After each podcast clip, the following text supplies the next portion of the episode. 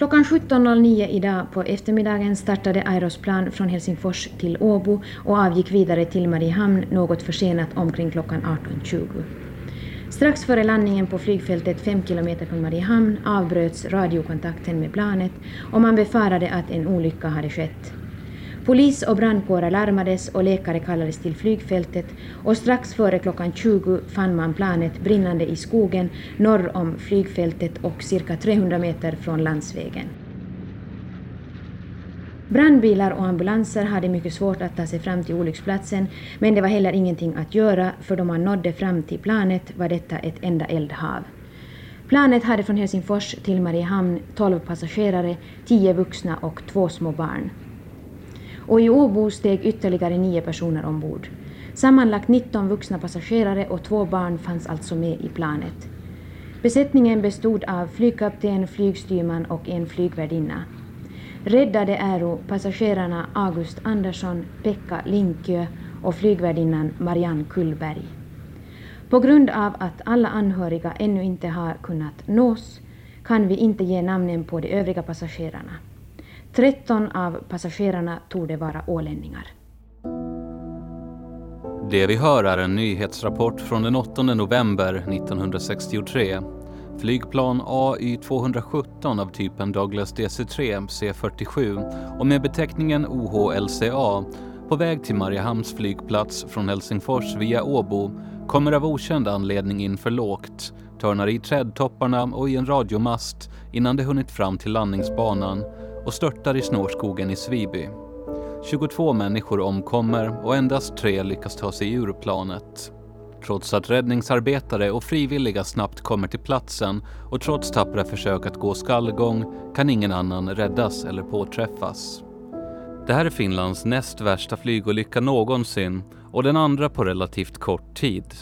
Och med undantag för Estonia-katastrofen är det kanske Ålands största trauma i modern tid. Det är också Finlands sista stora flygolycka till dags datum och detta trots att flygtrafiken till och från Åland, som också snart fyller 100 år, länge var betydligt mer aktiv än vad den är idag. För att börja historien från början behöver vi gå tillbaka till 20 och 30-talet då flyg först blev ett sätt att ta sig till och från Mariehamn. Vi hör historikern Kenneth Gustafsson. Efter första världskriget, en bit in på 20-talet, så började man med flygtrafik framförallt via Åbo till Stockholm och mellanlanda på Mariehamn. Det var sjöflygplan som landade vid Lilla Holmen. Men en bit in på mitten av 30-talet så blev det aktuellt att, bygga en landflygplats och eh, då var det framförallt Åbo, Åbo handelskammare som låg och, och drev på det där. Och så fick man med sig landskapsnämnden som det hette då och Mariehamns stad. Och så byggdes då flygfältet som det hette på samma plats som idag, men det var mycket mindre. Det var ett oktagonalt, ska jag säga, eller ett, ett oregelbundet gräsfält. Där gick nämligen vägen mellan Mariehamn och Hammarland rakt igenom. Så delvis den vägen man far ut på flygfältet till idag så gick tvärs över. Och på södra sidan om det så låg flygfältet. Och det där blev klart och användbart 1938.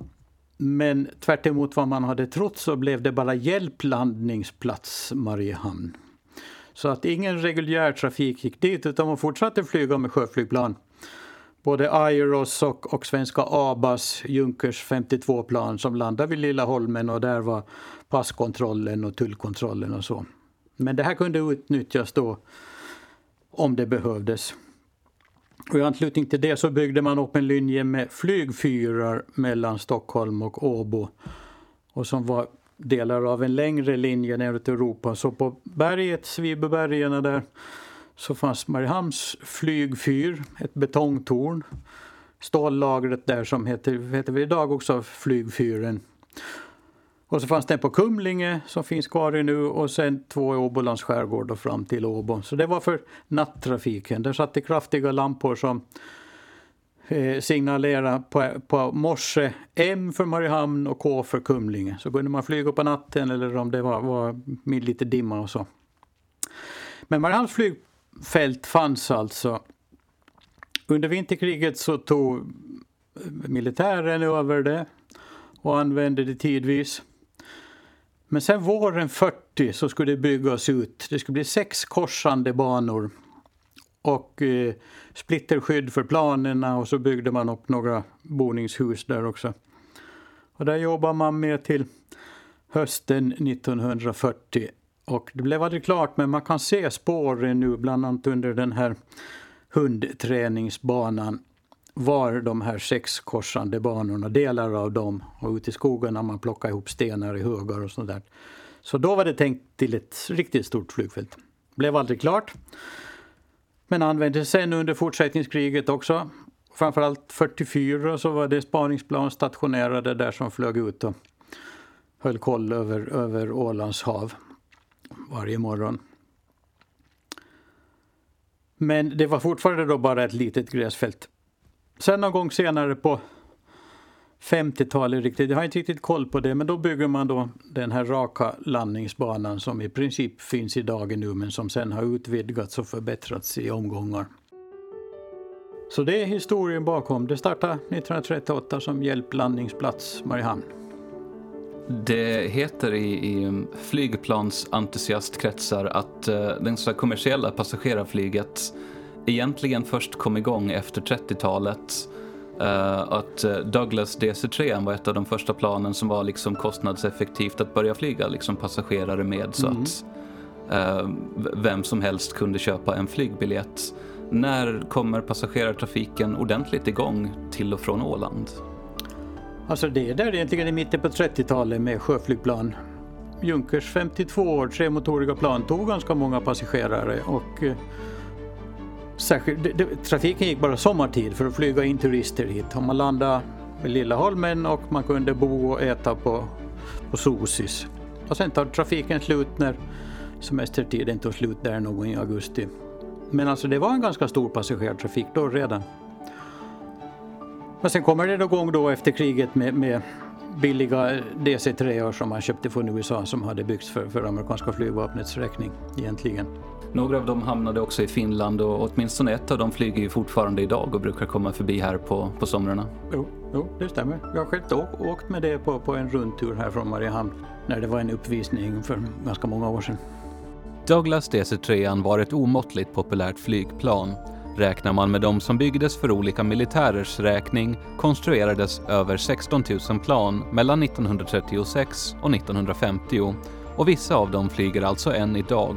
Deras betydelse för etablerandet av trafikflyget som vi känner det idag kan knappast överskattas. Flygolyckor är i regel väldigt sällsynta, då som nu. Helge Sölgen har varit ute vid olycksplatsen och han kommer här. Jag kommer just från olycksplatsen och planet har störtat på en mycket oländig plats. Jag fick ta mig upp genom snårskogen och såg på avstånd skenet från det brinnande planet. Då jag kom fram till olycksplatsen var det omöjligt att komma nära vraket. Hettan var fruktansvärd och eh, av den förvridna flygkroppen fanns inte mycket kvar. Den flygkrasch som sker här den 8 november 1963 um, ehm, så är just en av Eiros DC-3or. Det är inte den enda flygkraschen i Ålands historia men det är den största och kanske också en av de största i Finlands historia. Ja, det var väl bara en tidigare, var det Kvävlax någonstans i Österbotten med samma typ av plan. Det är den största men det här är då den, den följande största, nästan lika stor.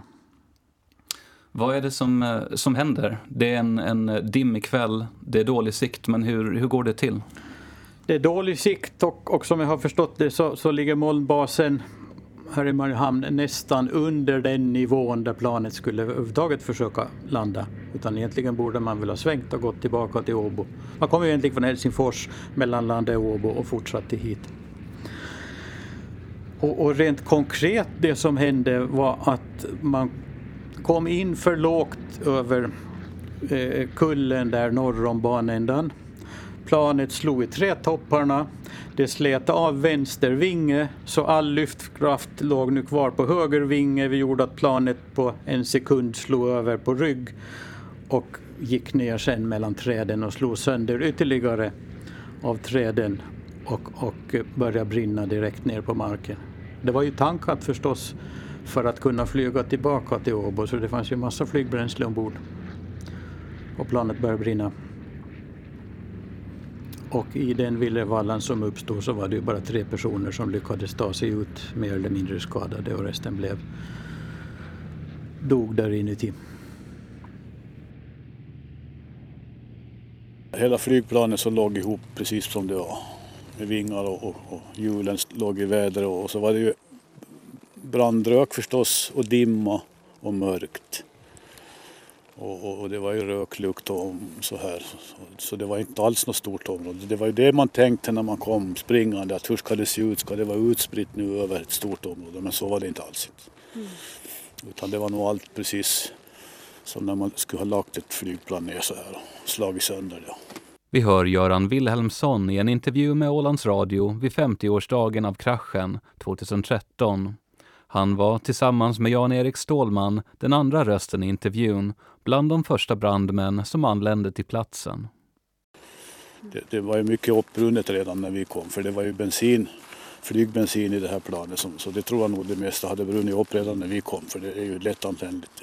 Mm. Men, men flygplanskroppen är aluminium och, och sådana här som brinner och, och brinner väldigt snabbt och, och hårt och svårt släckt och sådär. Bilden ser man nog framför sig 50 år efteråt men mm. man kan inte riktigt förklara den inte. Man skulle måste kunna rita den då eller på något sätt. Men jag tror jag var 19 år gammal då. 19 år bara? Det var ja, inte gammalt. Ja, jag var så pass ung jag. Ja. Eh, jobbade du liksom, kom du senare du till platsen? Jag kom lite strax senare och jag var inne i Mariehamn när, när larmet hade gått och um, körde någon taxi eller något i den stilen. Mm. Så jag kom hit sen med Görans bil stod på brandstation så jag snodde den sen hit till, mm. till, till platsen. Och, en kamrat då som vi stannade här nere, liksom, vad blir det, öster om olycksplatsen. Och vi hade ju inga lampor så vi sprang och höll varandra i hand, eller sprang så gott det gick men och tog oss upp till platsen. Och där var det ju ljus ändå för där var ju elden och brandbilar med belysning på sen. Så. Jag fick ju luktsinne därifrån. Som bara, jag minns att det tog efter 40 år så var det borta.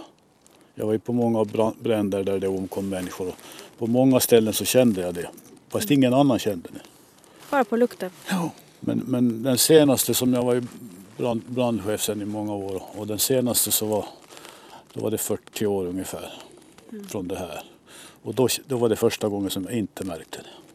Det är du lite glad över Ja, ja det, det stör mig inte på något sätt alls. Jag vill inte ha det. Men mm. Det var nog en stark upplevelse det på något sätt.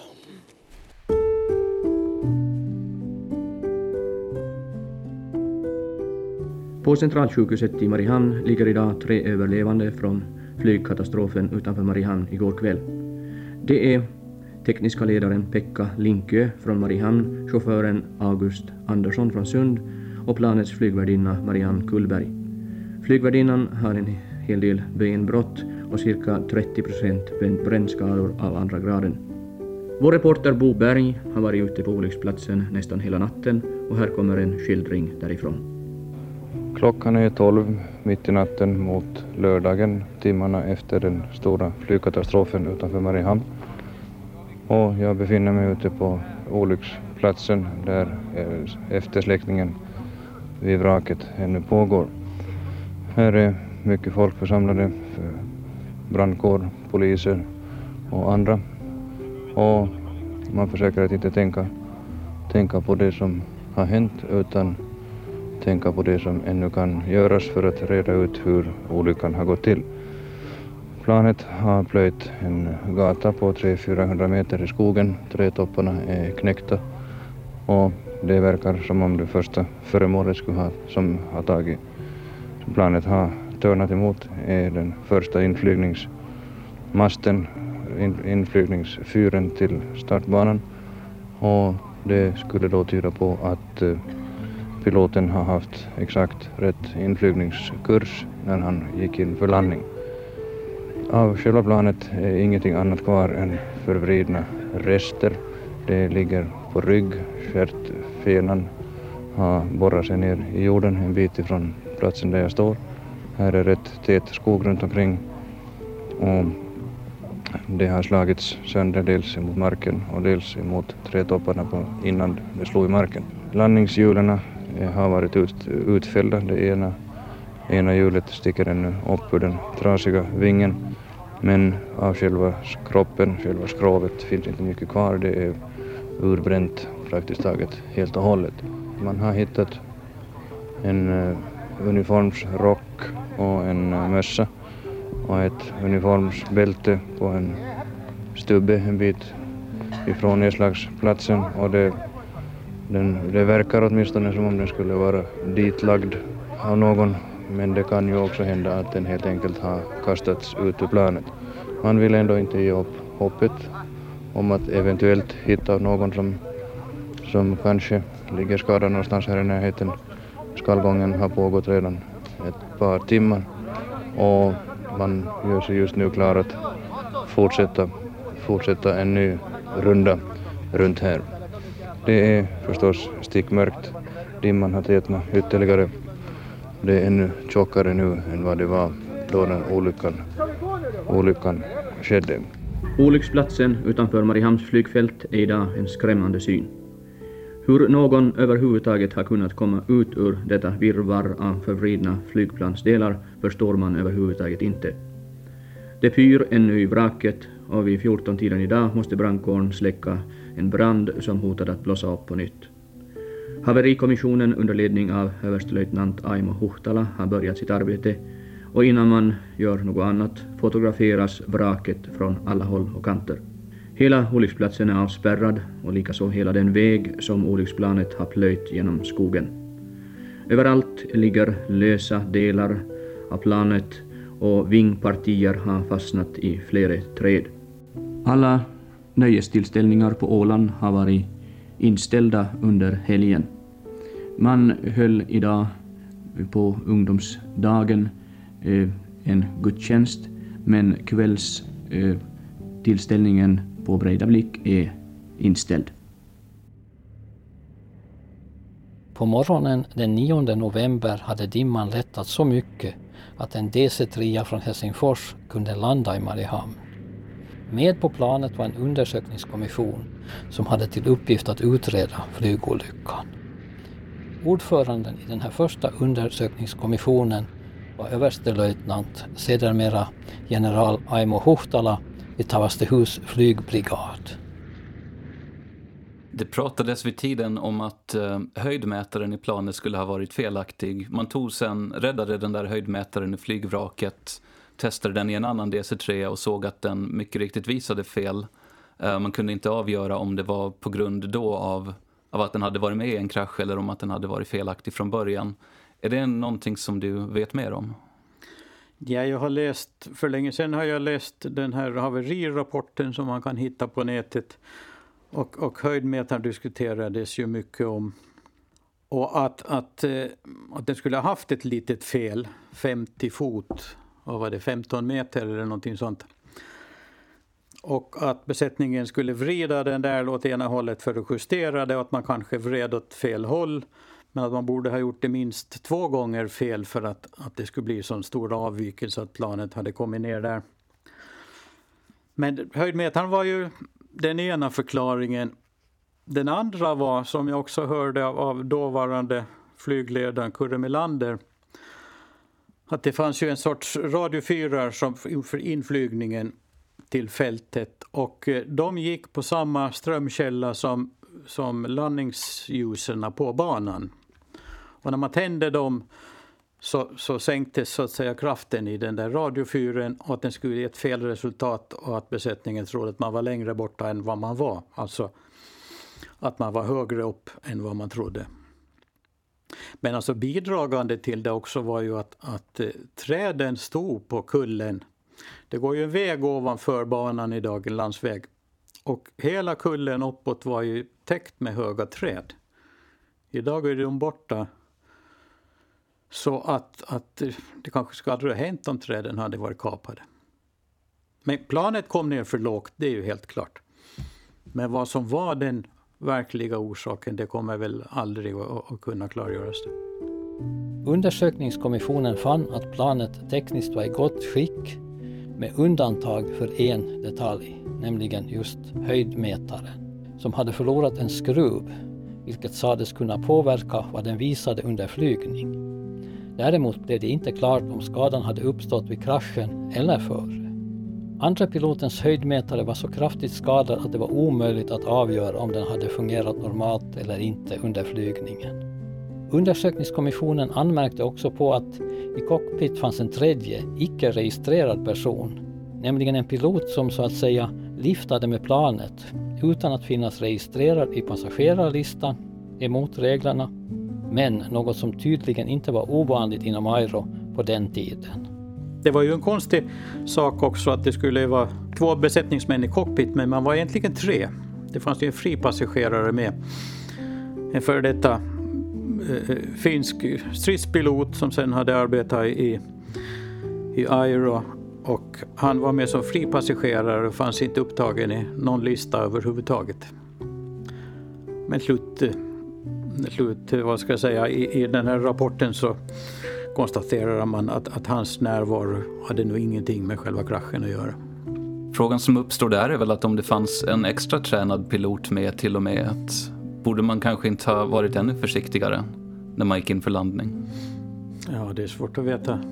Det är omöjligt att veta hur man uppfattar läget inne i cockpit när man skulle landa.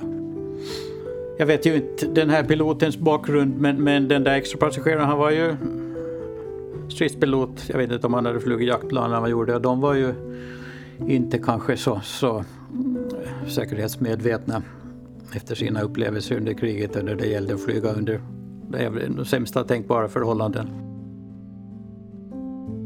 Undersökningskommissionens första utlåtande kom den 29 januari 1964 och där konstaterade man att planet vid inflygning flugit på alltför låg höjd på grund av det dimmiga vädret och sannolikt på grund av en felaktig höjdmätare. Även om det här nog inte kunde klart bevisas. Ingen person, varken i planet eller på marken, utpekades på något sätt som skyldig. Men utredningen lämnar nog en mängd frågetecken efter sig. Däremot resulterade den i ett stort antal förbättringar i flygsäkerheten, både i luften och på flygfälten i Finland. Vad händer sen? Eh, det här det hålls en rättegång, det görs en undersökning, eh, man hittar ett tekniskt fel, men, men med flygvraket som ligger där uppe i skogen, blir det sen mest bara liggande i 50 år? Ja, alltså det låg ju inte på kraschplatsen, utan det, det tog man bort. Själva, nu finns det ju det här monumentet idag, men det ligger på sidan, det var inte där planet kraschade. Utan det kom precis över högsta kullen ungefär. Det går en väg upp och det finns en, en, en radioanordning där uppe på toppen. Och i en sänka nedanför, ungefär där vägen är, där slog planet ner bland träden. Så man tog bort allting, tog det in till eh, flygstationen i, i några av förråden där, gick igenom allting. Och eh, sen trodde jag och de flesta med mig att sen förde man bort allting från Åland. Men för sådär för en tio år sedan kanske ungefär så hörde jag talas om att utanför flygfältsstaketet på, på sydvästra sidan så ligger hela vraket ute i skogen. Och det visade sig att där hade man dumpat allting. Plus även senare flygkrascher. Det fanns delar av Cessnor och allt möjligt som låg där. Och första gången jag var dit så, så låg det, då var det skog. Sen fällde man skogen men medan skogen fanns kvar, det var väldigt kuslig plats. Med, med det som fanns kvar av vingarna låg uppe på varandra. Det, det tämligen hela stjärtpartiet låg på sidan. Och, och där fanns hopknycklade säten, en hopknycklad barnvagn och en massa sådana detaljer. Och hjulen av delar av motorer. Och det var väldigt kuslig stämning där inne. Sen fick ju tydligen flera höra talas om det där. Det, jag förstod sen att, att anhöriga till de som omkom där så de gick dit ibland till det där stället för att ihågkomma sina släktingar. Hur kommer det sig att man, man var så oceremoniösa? Det förstår inte riktigt jag heller, måste jag säga. Jag, var, jag trodde inte riktigt på det där ryktet. Man förklarar ungefär vad det var jag gick dit och precis mitt i där låg alltihopa. Nej, jag nog förundrar mig över det. Varför tog man inte bort det där och, och destruerade, kanske spara någon bit. Sen precis innan, det här togs ju bort nu då, vad är det för två år sedan? Någonting sånt. Så stjärtpartiet togs till eh, flygmuseet ute i Vanda. Och åtminstone tidigare stod ute där bakom någon lagerbyggnad. Inte till allmänt beskådande dock. Det där blev nu liggande. Det är känsligt för många hela historien och, och sen känsligt med delarna från kraschen. Men eftersom eh, eh, eh, ledningen för flygfältet bestämde att man skulle röja upp den där platsen så då blev det aktuellt att vi skulle ta tillvara några bitar. Så då var det en, en liten ceremoni, dels där ute där man lyfte upp skrotet och vi fick rent formellt ta emot några delar och sen var det en, en liten minnesstund borta vid, vid minnesstenen. Och när alla stod där och, och talen som hölls var klara så kom ett av Finners plan och landade precis just utanför så det var som på en märklig beställning. Glada över att inte ha varit med det här planet är fyra stycken ålänningar som kom från Ekenäs. Det var forsteknikerna eh, Jens Harberg, Rune Hermansson, Georg Blomqvist och Jan-Erik Svanström. De kom för sent för att hinna med flyget från Åbo och fick istället ta bilfärjan, någonting som de nu är mycket tacksamma över. Flygolyckan i Sviby drar på många olika sätt in ett stort antal ålänningar i ett och samma händelseförlopp. Det går förstås inte att se förbi tragedin, att de som berördes mest var de som förlorade någon. Men som alltid när olyckor inträffar fanns det de som rusade mot det som andra rusade bort ifrån för att se om de kunde hjälpa till. En av dem, som intervjuades strax efter kraschen, var Erik Bussman. Och vi fick order där på arbetslägret, jag är där alltså ja. inkvarterad där. Och så fick vi order att följa med hit och, och då åkte vi i Mercedes hit. Och då blev vi stoppade av en, en dam och en herre som kom gående på vägen. Och, och såg vi att han var skadad. Aha. Så vi hoppade ur alltså. Vi var en åtta, en sju, åtta i bilen. Aha. Så de hoppade ut, de resten, och vi blev två kvar och så tog vi den där mannen och for till sjukhuset med. Han eh, visste inte om det var flera som hade blivit räddade? Han, det var den enda som han trodde att han var ensam om alltså. Aha. Hur hade han kommit ut ur flygplanet? Kunde han berätta någonting om det? Det visste han inte riktigt hur han hade kommit ut där utan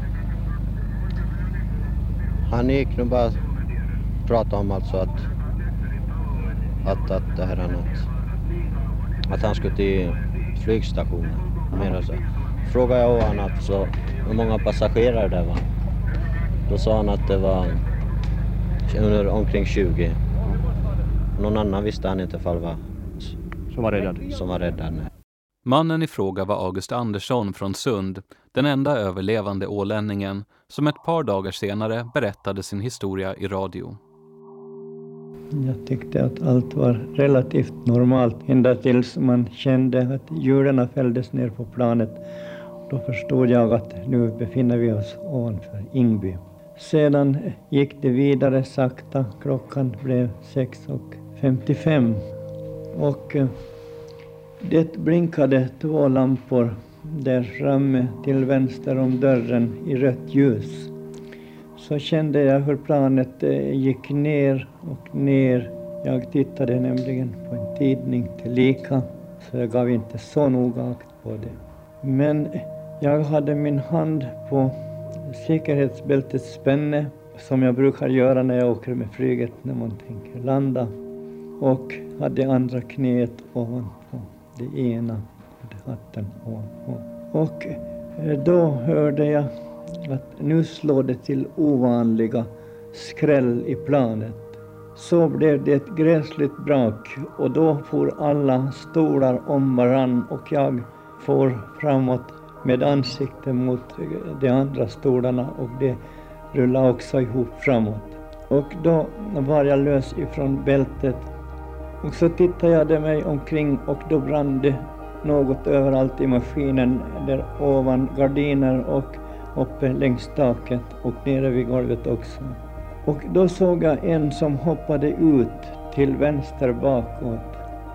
Jag satt nämligen på den andra stolen till höger bakifrån vid yttre gången.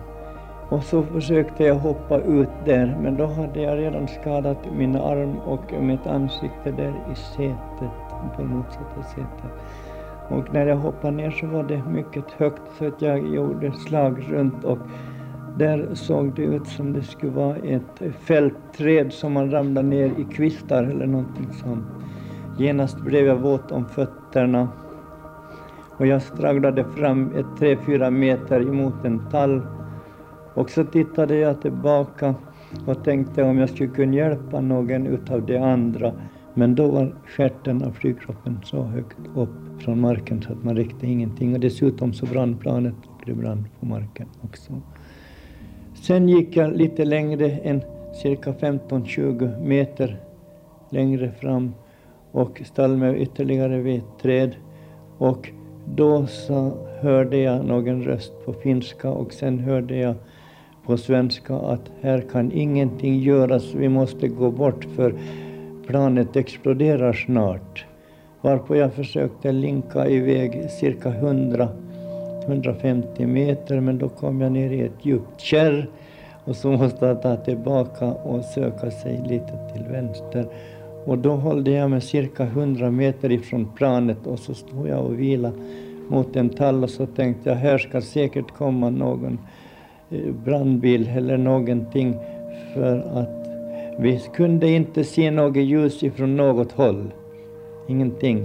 Men sen så småningom så kunde man se att flygfyren blinkade någonstans ifrån. Så drog jag mig lite till det hållet och då kom jag till en vedtrave och så kände jag med fötterna där vartåt vägen gick så började jag gå sakta utåt den och kom mot Sviby by. Och där så kom det en bil och for förbi. Sen kom en finsk registrerad Mercedes-bil och den vinkade vi på för det kom en dam på cykeln och stannade där också. Och då var det ifrån den här koloniarbetare sa det och då delade de upp sig och då sa jag att en av de herrarna att den här vägen går det att köra med bil ganska nära till planet. Och så sa jag om jag ska vänta här till det kommer polis eller någonting. Men då sa pojkarna på finska att vi skulle köra till Sairala. Ja, och så gjorde vi. Två man körde genast dit genom Svibybyn till sjukhuset här. Ålands landsting började idag sin höstsession och det var 30 allvarstyngda landstingsmän som stående åhörde talman Torvald Erikssons inledningsanförande. Då vi denna gång samlats för att börja en ny sessions arbete råder det stark förstämning över hela Åland och också utanför Åland. Den djupaste sorg har genom fredagens flygkatastrof drabbat många åländska, men också andra hem och familjer.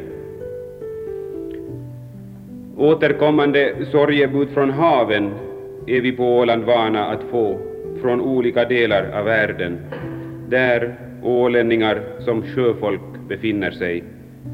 Men sådana sorgebud betraktas här nästan som ofrånkomliga tribut för sjöfartsnäringen. Den nu skedda flygolyckan utanför Mariehamn är av helt annat slag och väl till och med till sin omfattning exempellös för nuvarande generation på Åland. Jag ber att genom tidningspressen till alla hem som direkt drabbats av den tunga olyckan få framföra självstyrelsemyndigheternas och det åländska folkets djupa medkänsla. Jag får också vidarebefordra ett till mig av generalkonsul Greitz framfört deltagande från Sveriges regering och från generalkonsul Greitz personligen.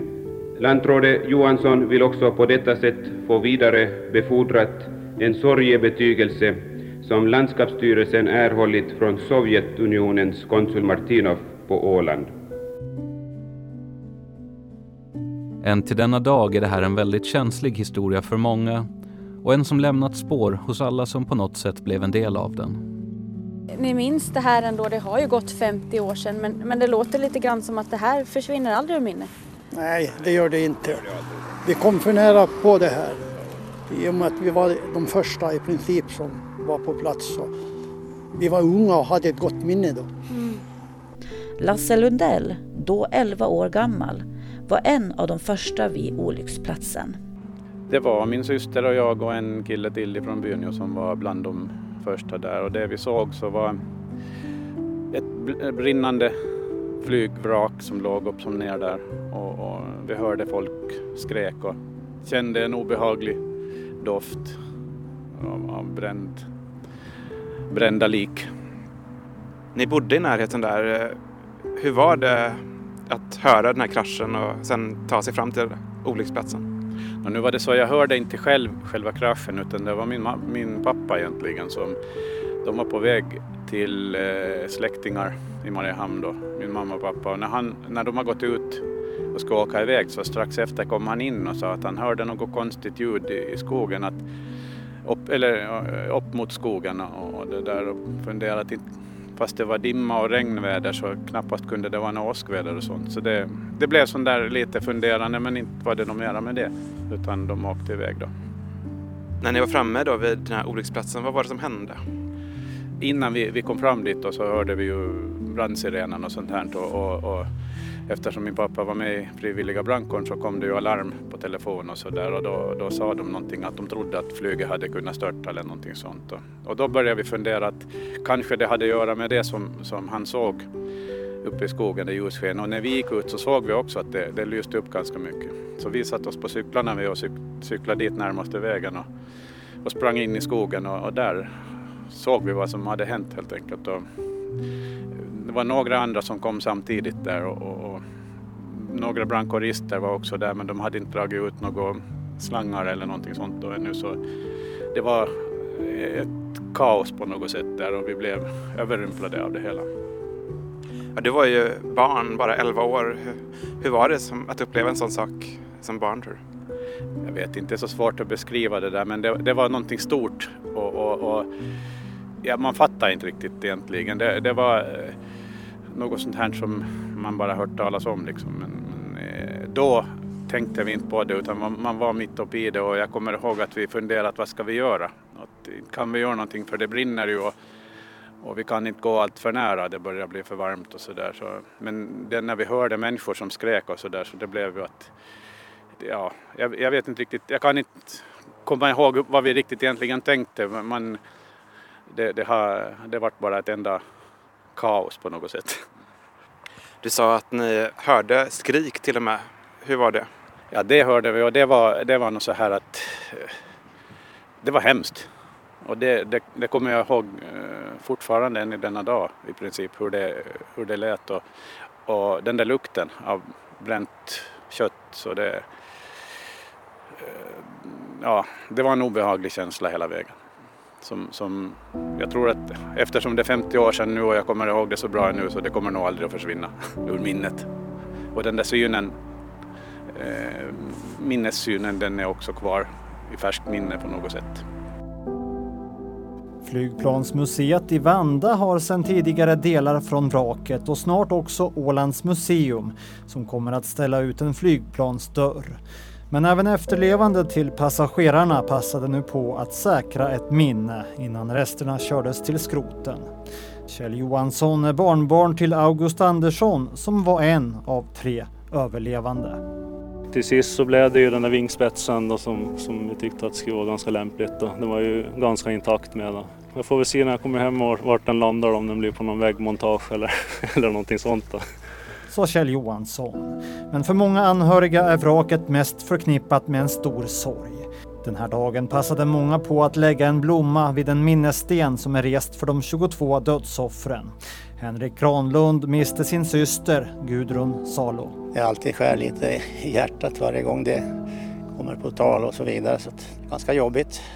En av flygplanets dörrar kommer ju att ställas ut på Ålands museum. Vad tycker du om det? Ja, det är väl med lite blandad känsla. Jag tycker om det men det, det är väl bra att det finns ett minne då. Mig skulle gärna fått vara ogjort. Den här platsen räcker för dig? Ja, det räcker absolut. I en radiointervju som gjordes vid det här tillfället när delarna slutligen togs bort så intervjuades en anhörig till, till en av de som omkom i olyckan. Det var 22 personer som omkom mm. totalt tror jag varav 13 var ålänningar så att väldigt många så har ju säkert någon anhörig som var ja. delaktig i det här på ett sätt eller ett annat.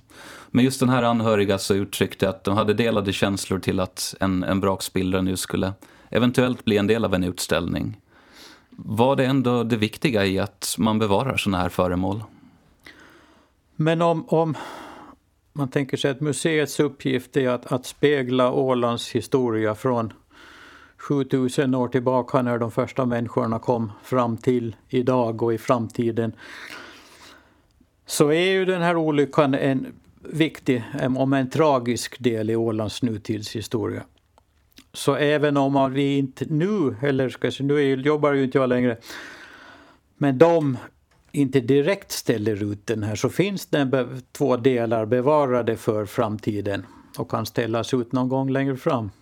Samlingarna är ju tänkta att, att, att bevaras för värdeliga tider i museets magasin. Flygledare Kurt Melander, som personligen kände piloten Pekka Martinen, utreddes först för sin roll i händelseförloppet, men friades senare. Han berättar med egna ord vad som hände när AI-217 närmade sig landningsbanan. Första kontakten hade jag ju Kumli med honom där jag, där jag berättade om att, att uh, det är möjligt att belysningen inverkar på, på locatorns funktion och och, och då, så sa han att spara på din belysning där men, men uh, hela den här radiokommunikationen var ju helt normal och lugn. Han passerade Björsbyfyren så sa han åt mig att eh, du har väl lamporna på. Det kvitterade jag åt honom. I Björsby hade du kontakt med honom, du hade kontakt med honom senare också? Här är de, de, eh, den radiokommunikation vi hade med honom och, och här har jag räknat ut tider. Här är, här är det tar två, två minuter tio sekunder att flyga från, från uh, Björsbyfyren till, till inflygningslinjen. Och flygningen är helt normal en minut innanför Björsbyfyren. Men, men vad hände på 30 sekunder? Hur reagerade du när han aldrig dök upp sen? Där fanns på norra sidan sen i rummet ett fönster. Jag brukar, när det var dåligt väder så brukade jag gå dit och öppna fönstret. Och den här gången så hade jag flygkapten Tamminen och styrman Häkkinen i mitt tjänsterum. De var med en annan maskin här. Och Tamminen frågade åt mig, är du nervös? Jag sa att det här brukar jag alltid göra när, jag, när, det, när, när de flyger in från norr. De blev och, och stod där i fönstret och väntade och när, när två minuterna hade gått och han hördes inte av så anropade jag honom på nytt utan att få svar. Jag anropade på nytt och sen efter det så tryckte jag hade kontakt med, med, med, ambulansen och med brandbilen som vi hade här och de jurerade dem. Och sen tryckte jag på alarmsirenen. Den var, den var mekanisk så att finlandsmekanikern hjälpte mig med det där samtidigt som jag började ringa runt. Jag ringde bland annat till länsman Alskog och försökte få honom, men före det hade jag ringt till min svärfar Walter Hägglund som bor här på inflygningslinjen. Han var ju brandchef i Jomala jag frågade Walter att hörde du om DC-3 passera? Det hade han inte direkt svar, så frågade jag hör du fortfarande motorljud? Och eh, det gjorde han inte, men det tog ju sen en, en, över en halvtimme innan, innan eh, de brandstyrkor som fanns här hittade den där kärran. Men det är också ganska underligt att, att eh, två privatpersoner, en byggmästare härifrån och en en eh, lastbilschaufför som, som eh, eh, hade spårat den här olyckan. De tog flygvärdinnan och eh, Linke och, och, och, Andersson och körde till sjukhuset och kom tillbaka hit innan man sen slutgiltigt med de brandstyrkor och efterspaningar hittade den här platsen. I en senare intervju med Ålands Radio, då Godby Rotary i samband med kraschens 40-årsjubileum 2003 städade upp kring olycksplatsen, sade Kurt Melander att trots att han frikänts så hängde olyckan alltjämt kvar över honom. Jag kommer ju aldrig över det här. Det, det, den, det, det kommer för mig ganska ofta. Liksom.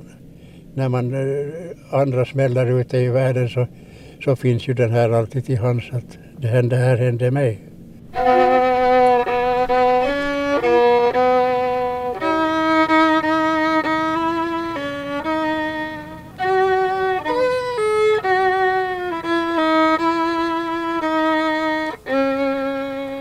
Jo, då när uh, från Godby eh, Rotary ringde och, och berättade det här så då, då var det helt klart för mig att jag skulle ställa upp och så tänkte jag att det enda jag kan tala med så är ju fiolen. Eh, det, det finns sådana här gånger så finns det inte ord egentligen. Härliga jorden är väl en, en, en sån som säger allt.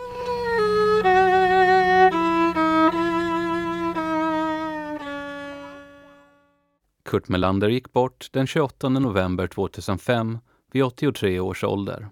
Kurt Melander har sagt i en intervju till Ålands Radio att um, det hade legat på honom att utfärda ett landningsförbud om han ansåg att förhållandena var tillräckligt dåliga för att landa. Uh, men att det i sista hand ändå är piloten som avgör om man går in för landning eller inte. Är det rätt uppfattat? Absolut, det är ju så. Nej, Melander han, var ju, han blev ju sen också det blev ju en rättegång runt det hela och han var då instämd för, för eventuellt tjänstefel. Han blev frikänd men han var ganska bitter över att det hade gått på det viset. Han hade gjort vad han kunde men, men som sagt det var ju piloten som bestämde. Mm. En um, sak som kan nämnas i förbigående här är väl att det är fortfarande samma sak idag med fartyg som ska ta in i en hamn, att det i sista hand är kaptenens, mm. um, det är kaptenen som avgör om ja. man kan gå in i hamn eller inte. Ja, jag visste det så. Häradsrätten har tagit målet till övervägande och finner ut att det Aero OY tillhöriga flygplanet AY 217 OHLCA den 8 november 1963 omkring klockan 19 störtat på en plats ungefär 1300 meter norr om Mariehamns flygfält startbana nummer 20 i Sviby med påföljd att samtliga ovannämnda personer omedelbart eller strax därefter omkommit. Enär i saken icke framkommit något som giver anledning till antagandet att ifrågavarande personers död skulle ha förorsakats av straffbar handling eller underlåtenhet som kunde stanna någon person till last på grund härav och då något yrkande i målet icke heller framställs pröva häradsrätten rättvist förklara undersökningen av nämnda personers dödsorsak avslutad. Vi var många år senare som Göran och jag satt på en sån här föreläsning av en, vad det nu var för en kille som pratade just om det här med, med efterföljder av sådana traumatiska olyckor och när vi steg upp och gick ut så tittade vi på varandra och funderade bara när vi skulle eh, liksom explodera för det där.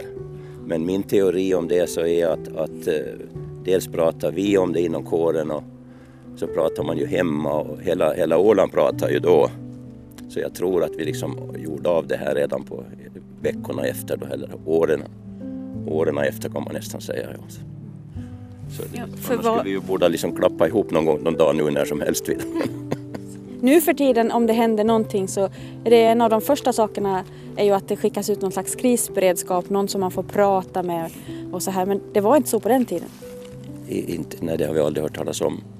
Utan det var nog bara att ta det som det var. Det ordet var inte uppfunnet då? Nu. Nej. nej. Det där finns ju med i, i folks minne fortfarande, hela denna hemska olyckan. Och jag kommer själv ihåg, jag bodde på Kökar och min svåger var lärare i skolan min svåger och syster och jag bodde hos dem på natten och han startade alltid radion på morgonen innan jag steg upp och lyssnade på nyheterna. Och då kom det via nyhetssändningarna om att ett flygplan har kraschat i Mariehamn och si och så många var döda och några försvunna. Så det där påverkar ju resten av dagen i, i skolarbetet. Och jag kommer ihåg den där speakerrösten som sa det på, på radion, även om jag inte själv kunde förstå omfattningen av det hela. Men jag kommer ihåg precis det där och han blev helt ifrån sig att att flyg hade störtat. Så det där finns ju i alla äldres medvetande tror jag på Åland nu. Så ur den synpunkten då är det ju bra för framtiden att det finns några delar kvar som man kan konkret visa att det här är delar från det planet som var inblandat i den här svåra olyckan. Jag åker till Ålands museums magasin i Kastelholm för att se den flygplansdörr som togs tillvara då vraket 2018 slutligen städades bort. Aluminiumdörrens utsida är repad, bucklig och har ett par mindre hål. Det mesta av färgen har skrapats eller blekts bort så att den råa metallen skiner igenom. Men de vita och blå ränder som gick tvärs över den syns nu. Insidan av dörren är bränd. Kia Haldin, vikarierande överantikvarie, säger att man inte i dagsläget har några planer på att ställa ut den utan att man väntar på att tiden ska bli rätt och att ett sammanhang ska dyka upp. Att dörren finns bevarad är viktigt men att kraschen fortfarande utgör en väldigt smärtsam episod för många ålänningar som har en personlig koppling till den är tydligt. Det andra föremålet som utgör en tydlig länk till händelsen är den minnessten utformad av professor Sven Nikander från Helsingfors som Godby Rotaryklubb 1967 satte upp ungefär 200 meter öster om olycksplatsen och som man hittar genom att svänga in på Jomalatorpvägen och på den lilla avfarten vid skylten märkt minnessten. Den som svänger av Jomalatorpvägen och in vid minnesstenens parkeringsplats tar sedan av i nordlig riktning in på en liten gräsväg som till vissa partier nästan ser igenvuxen ut. När man följer den nästan igenvuxna stigen förbi den snåriga växtligheten övergår landskapet i karga bergshällar bevuxna endast av mossor och lavar och vägen fram till minnesstenen märks ut av små stenhögar. Framme vid själva stenen står också två picknickbord av samma modell som man hittar på många andra ställen på Åland. Själva minnesstenen är ett stort block röd granit omgiven av 22 mindre bitar sprängsten. På stenblocket sitter en metallplakett med två fåglar som verkar flyga ut ur plaketten och texten den 8 11 1963 in memoriam.